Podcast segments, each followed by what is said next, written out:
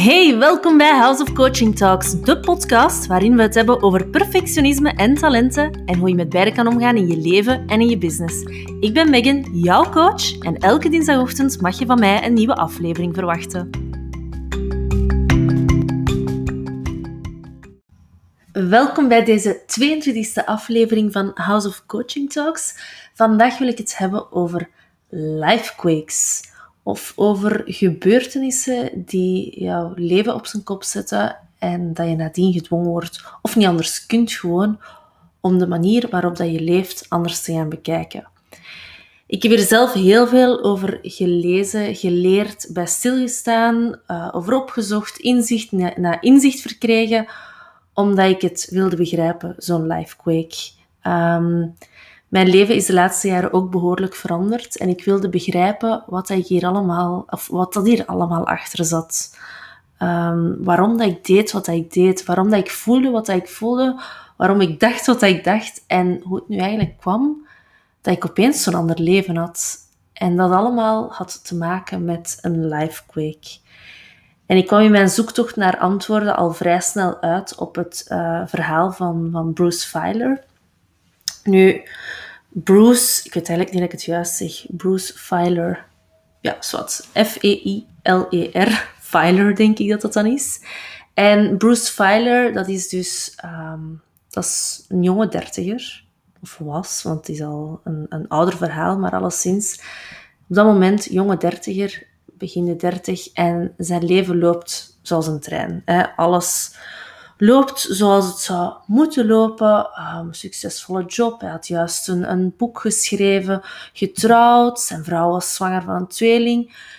Maar dan, terwijl dat zich, zijn leven zich rustig aan het ontvouwen was en, gewoon eigenlijk verder aan het kabbelen was, zo op, een, op een heel gemakkelijk ritme, alles liep gewoon, kreeg hij de diagnose van botkanker.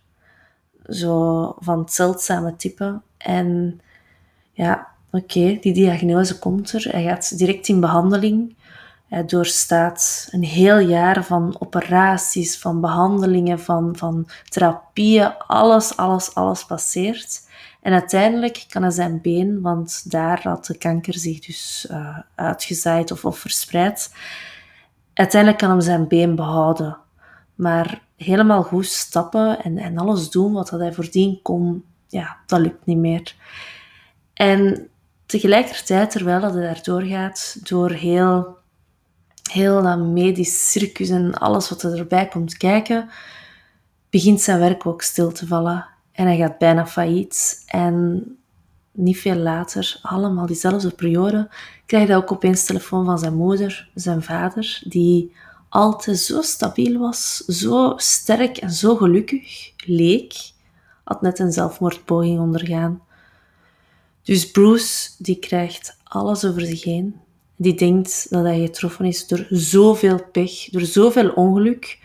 En ja, dat is, dat is iets dat we wel vaker hebben. Uh, ik denk niet alleen Bruce, ik denk dat heel veel mensen dat al gevoeld hebben. Zo het gevoel van alles komt samen. Nu, niet veel later gaat Bruce um, naar een reunie, een klasreunie, waarbij dat hij zijn klasgenoten van vroeger terugziet en spreekt en ook zo'n beetje doorvraagt. Hij zo weet uit curiositeit van, ah, wat is er jij geworden en hoe is uw leven gegaan en welk pad heb jij bewandeld? Om ook zo'n beetje te kunnen, te kunnen spelen en te reflecteren en te vergelijken met hoe dat zijn leven de laatste tijd aan het lopen is. En uh, door ze door te vragen en door te vragen, begint hij beetje bij beetje in te zien, of, begint bij hem te dagen, dat, um, dat hij het eigenlijk mis had. De ene is zijn vrouw verloren um, aan wat dat een onschuldig hoofdpijntje leek. De andere zit vast in een rechtszaak. Uh, nog iemand anders zit midden in depressie. En nog een andere schoolmakker, ja, die had al jaren geleden een heel erg ding meegemaakt. En um, die had zijn kind, zijn eigen kind, uh, uh, getroffen met, met doorgesneden polsen. Nu, wat bleek? Iedereen had wel iets meegemaakt. Iedereen. Iets waardoor dat hun leven doorheen geschud was. En waardoor ze allemaal ja, op, een, op een andere manier naar het leven gingen gaan kijken. Dat ze gedwongen worden om hun leven anders te gaan leiden. Dat ze geen andere keus meer waren. Zo'n gebeurtenis dat eigenlijk alles op zijn kop zet. En dat maakt dat, ja, dat persoon niet anders kan dan het anders te gaan doen. Nu, die reunie, en dat is waar gebeurd trouwens, dit verhaal. Um, dat heeft Bruce Feiler geïnspireerd tot um, het Life Story Project. Dat is een, een project waar dat hij levensverhalen in verzameld heeft van meer dan 200 mensen. Heel verschillende mensen, alle soorten types, uh, vanuit alle kanten, niet alle kanten van de wereld, want het was een Amerikaans uh, project, maar uit Amerika, maar alle soorten mensen. En uh, daarbij heeft hij ook hulp gekregen van wetenschappers, van docenten, van, van psychologen en Harvard en van de Harvard University. En alles geanalyseerd en heeft er een boek over geschreven, Life in the Transitions. En wat blijkt, want je hoort het al, Life in the Transitions. Um, wat blijkt, ons leven wordt gemiddeld één keer om de 12 tot 18 maand. Dus dat is echt één keer um, om het jaar, om het anderhalf jaar, wordt dan een keer door elkaar geschud. En het verhaal van Bruce Feiler, um, oké, het gaat hier allemaal over tragische dingen, de dingen dat ik zei, maar het kan ook gaan over goede dingen. Denk maar aan een kind krijgen, of, of een nieuwe relatie, of, uh, of misschien veranderen van job, of, of opeens springen voor een zelfstandige job. Um, maakt niet uit, zo allemaal precies banale dingen die lijken alsof dat ze geen grote impact hebben. Um, alhoewel dat wat ik juist opgenoemd heb, dat mij dat wel grote impact lijkt te hebben. Maar ik bedoel ook positieve dingen, maar die veranderen ook allemaal, of die hebben allemaal een hele grote invloed op je leven. En het gaat erom, om die gebeurtenissen, um, dat, die, dat die een verandering in gang zetten waarbij dat aanpassingsvermogen is. En Live in the Transitions, ja, dat gaat over die transitie. En die fase, die transitiefase, waarin dat we zitten als we onszelf aan het aanpassen zijn aan wat dat er net gebeurd is. die, die periode waar dat we precies geen andere keuze hebben dan ons leven anders in te richten, die transitie. En afhankelijk van de gebeurtenis, hoe schokkend dat is en, en wat voor een grotere impact dat die heeft, hoe dat die ook ervaren wordt. Um, en dat is ook afhankelijk van persoon tot persoon, qua flexibiliteit, qua bagage dat die persoon, hoeveel van die gebeurtenissen dat die persoon al heeft meegemaakt en hoe dat hij daar in het verleden mee is omgegaan. Um, daar hangt het allemaal vanaf hoe lang dat zo'n transitie duurt.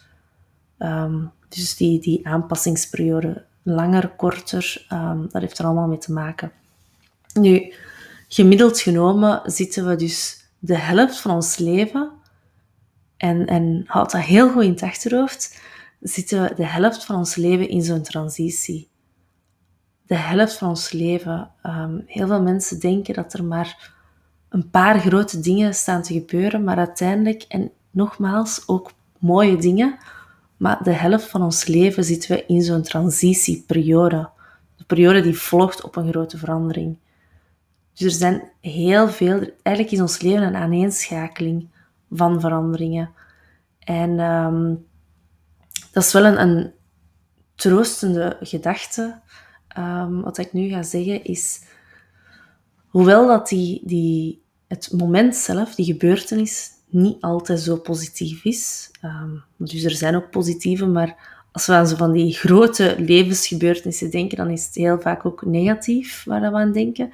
Dus hoewel dat, dat niet altijd positief is, is de verandering die dat erop volgt, dat wel heel vaak.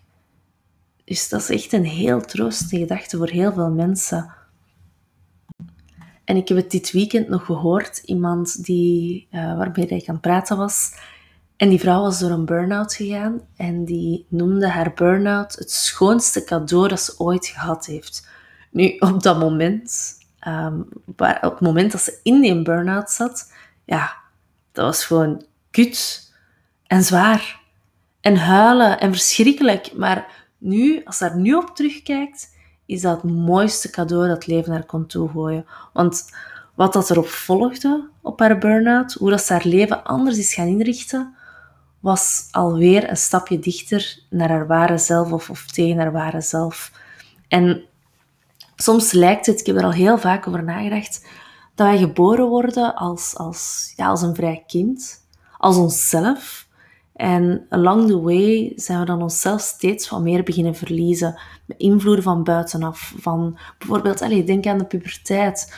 Dat we allemaal cool willen zijn, erbij willen horen, onszelf wegcijferen of dingen doen of kleren aandoen die we eigenlijk, ja, we willen er gewoon bij horen. En, en dan hebben we van die, als we dan ouder worden en, en volwassener worden, hebben we dan precies lifequakes nodig om ons terug naar ons ware zelf te brengen.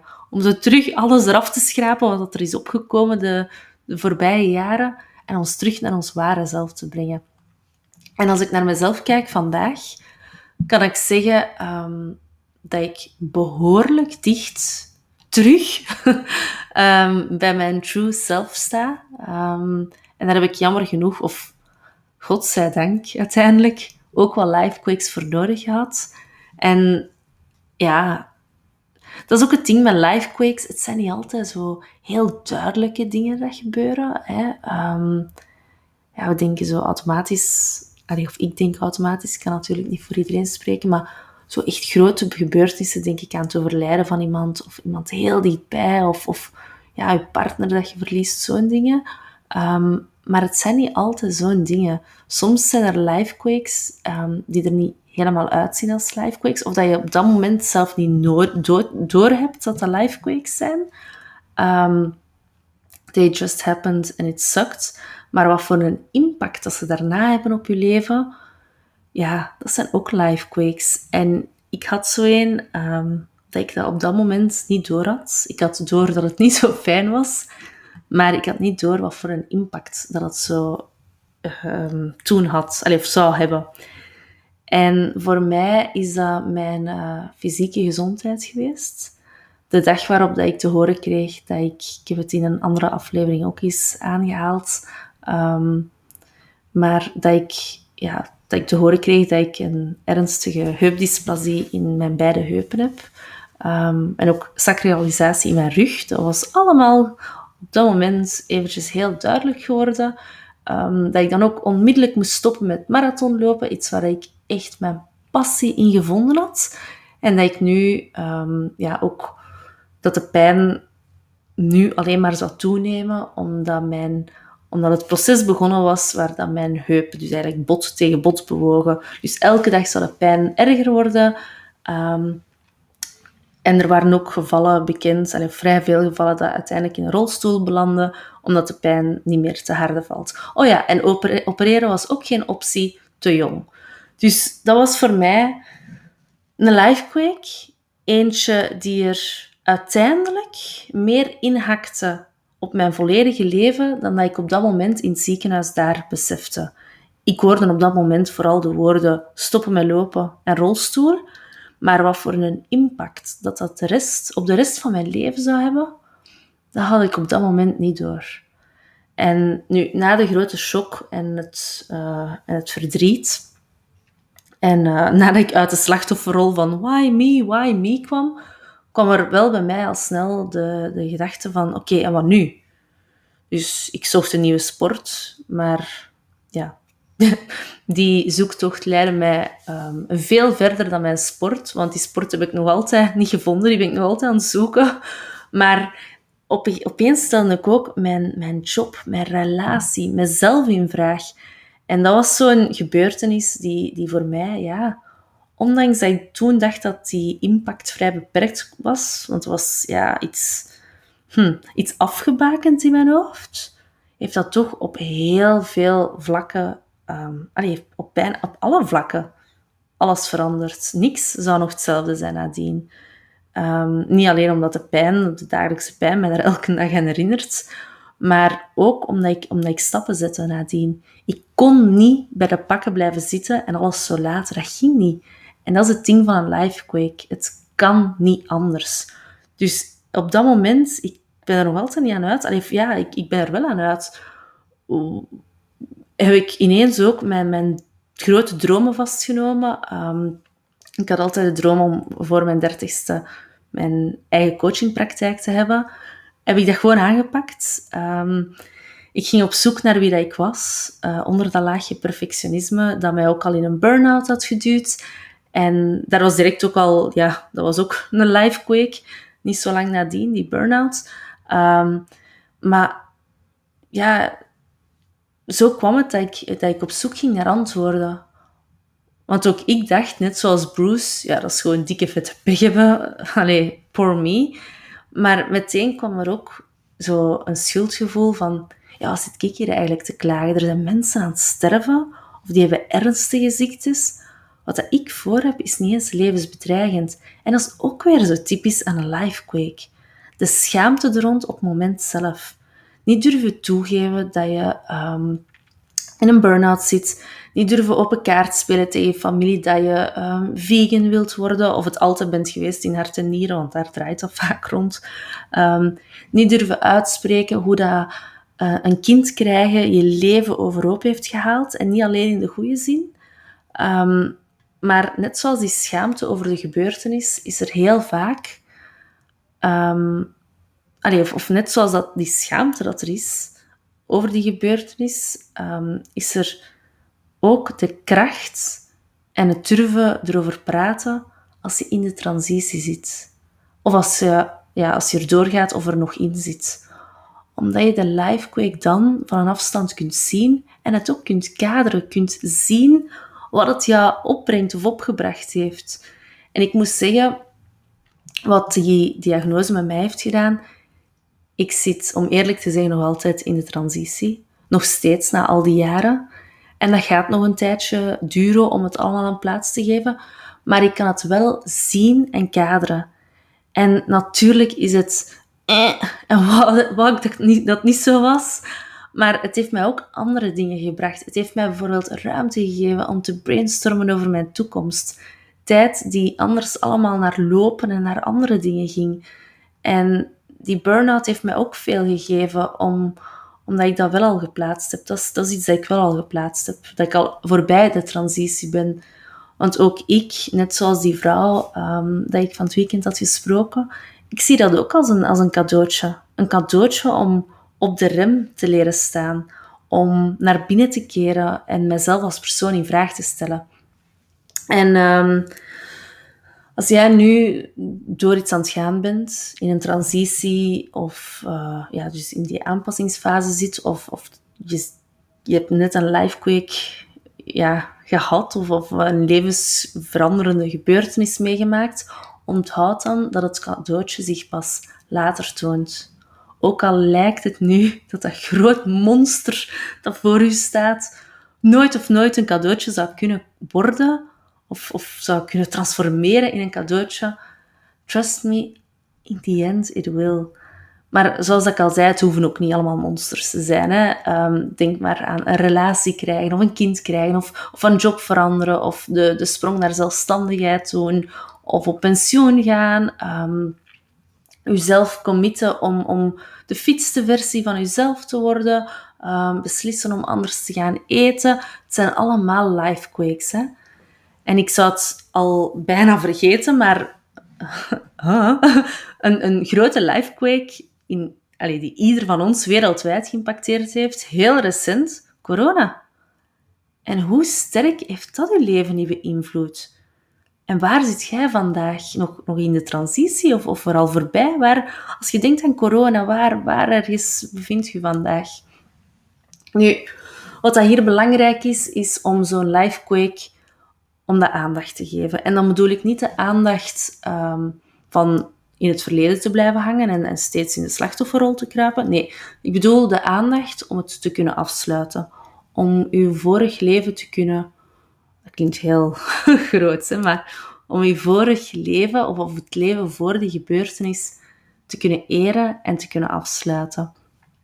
Bijvoorbeeld ook als...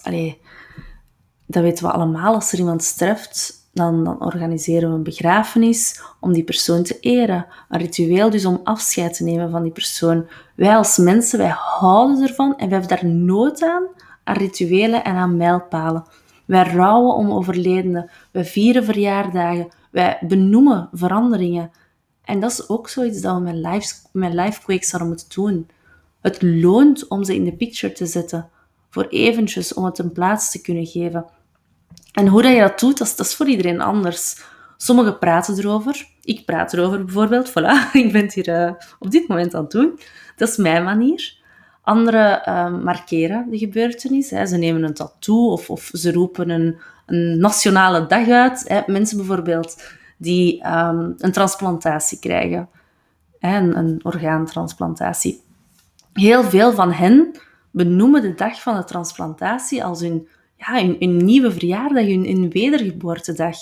De nieuwe verjaardag dat ze voortaan zullen vieren. En dat helpt in het afsluiten van een hoofdstuk en het starten van een nieuw.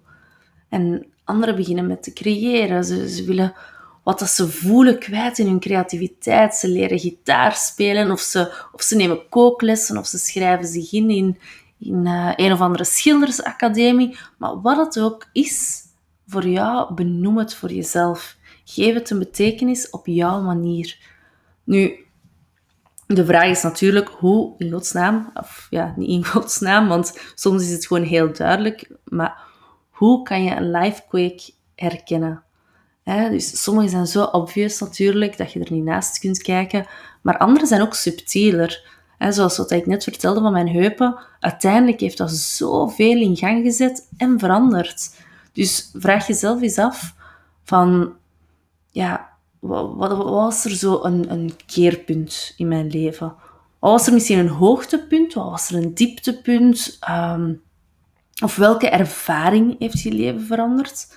Um, ik hoor heel veel mensen dat op, op, reizen, tijdens reizen, een, uh, een of andere speciale ervaring hebben gehad en dat nadien nooit nog het leven hetzelfde is geweest. Um, of, of welke veranderingen zijn er gebeurd op vlak van relatie, van job, van gezin, van lichaam. En sta daar eens bij stil. Hoe heeft dat jouw leven veranderd? En zit je nog in de transitiefase of ben je er al voorbij? Waar, waar zit je op dit moment? En dat is een oefening dat je geregeld eens kan doen. Hè? Want zoals ik er zei, al zei, er is, er is niet één lifequake. Hè? Het leven is er een, een aaneenschakeling van. Maar er even stil bij staan en er betekenis aan geven op jouw manier, dat is, dat een heel mooie manier om, om verder te gaan. Dat maakt je sterker en dat laat je ook leren. Leren voor de volgende lifequake die zich zal aandienen. Dus voilà, dat is wat ik vandaag wil zeggen. En um, ik heb een klein beetje een kriebel in mijn keel. Ik hoop dat het niet hoorbaar was. Um, ik heb wel in drie stukken moeten opnemen. Normaal gezien doe ik altijd alles in één take, maar zo daartussen, daartussen zitten hoesten, dat is ook niet alles. um, maar voilà. Ik hoop dat je dit een interessante aflevering vond. Um, als dat zo is, deel hem gerust op Instagram voor iedereen die het wilt horen of meer wilt over weten. En dan mag je mij zeker ook altijd taggen. Uh, altijd fijn, dan kan ik het ook zelf zien. Um, dus ja, voilà. Bedankt om te luisteren en heel, heel graag tot volgende week. Ciao!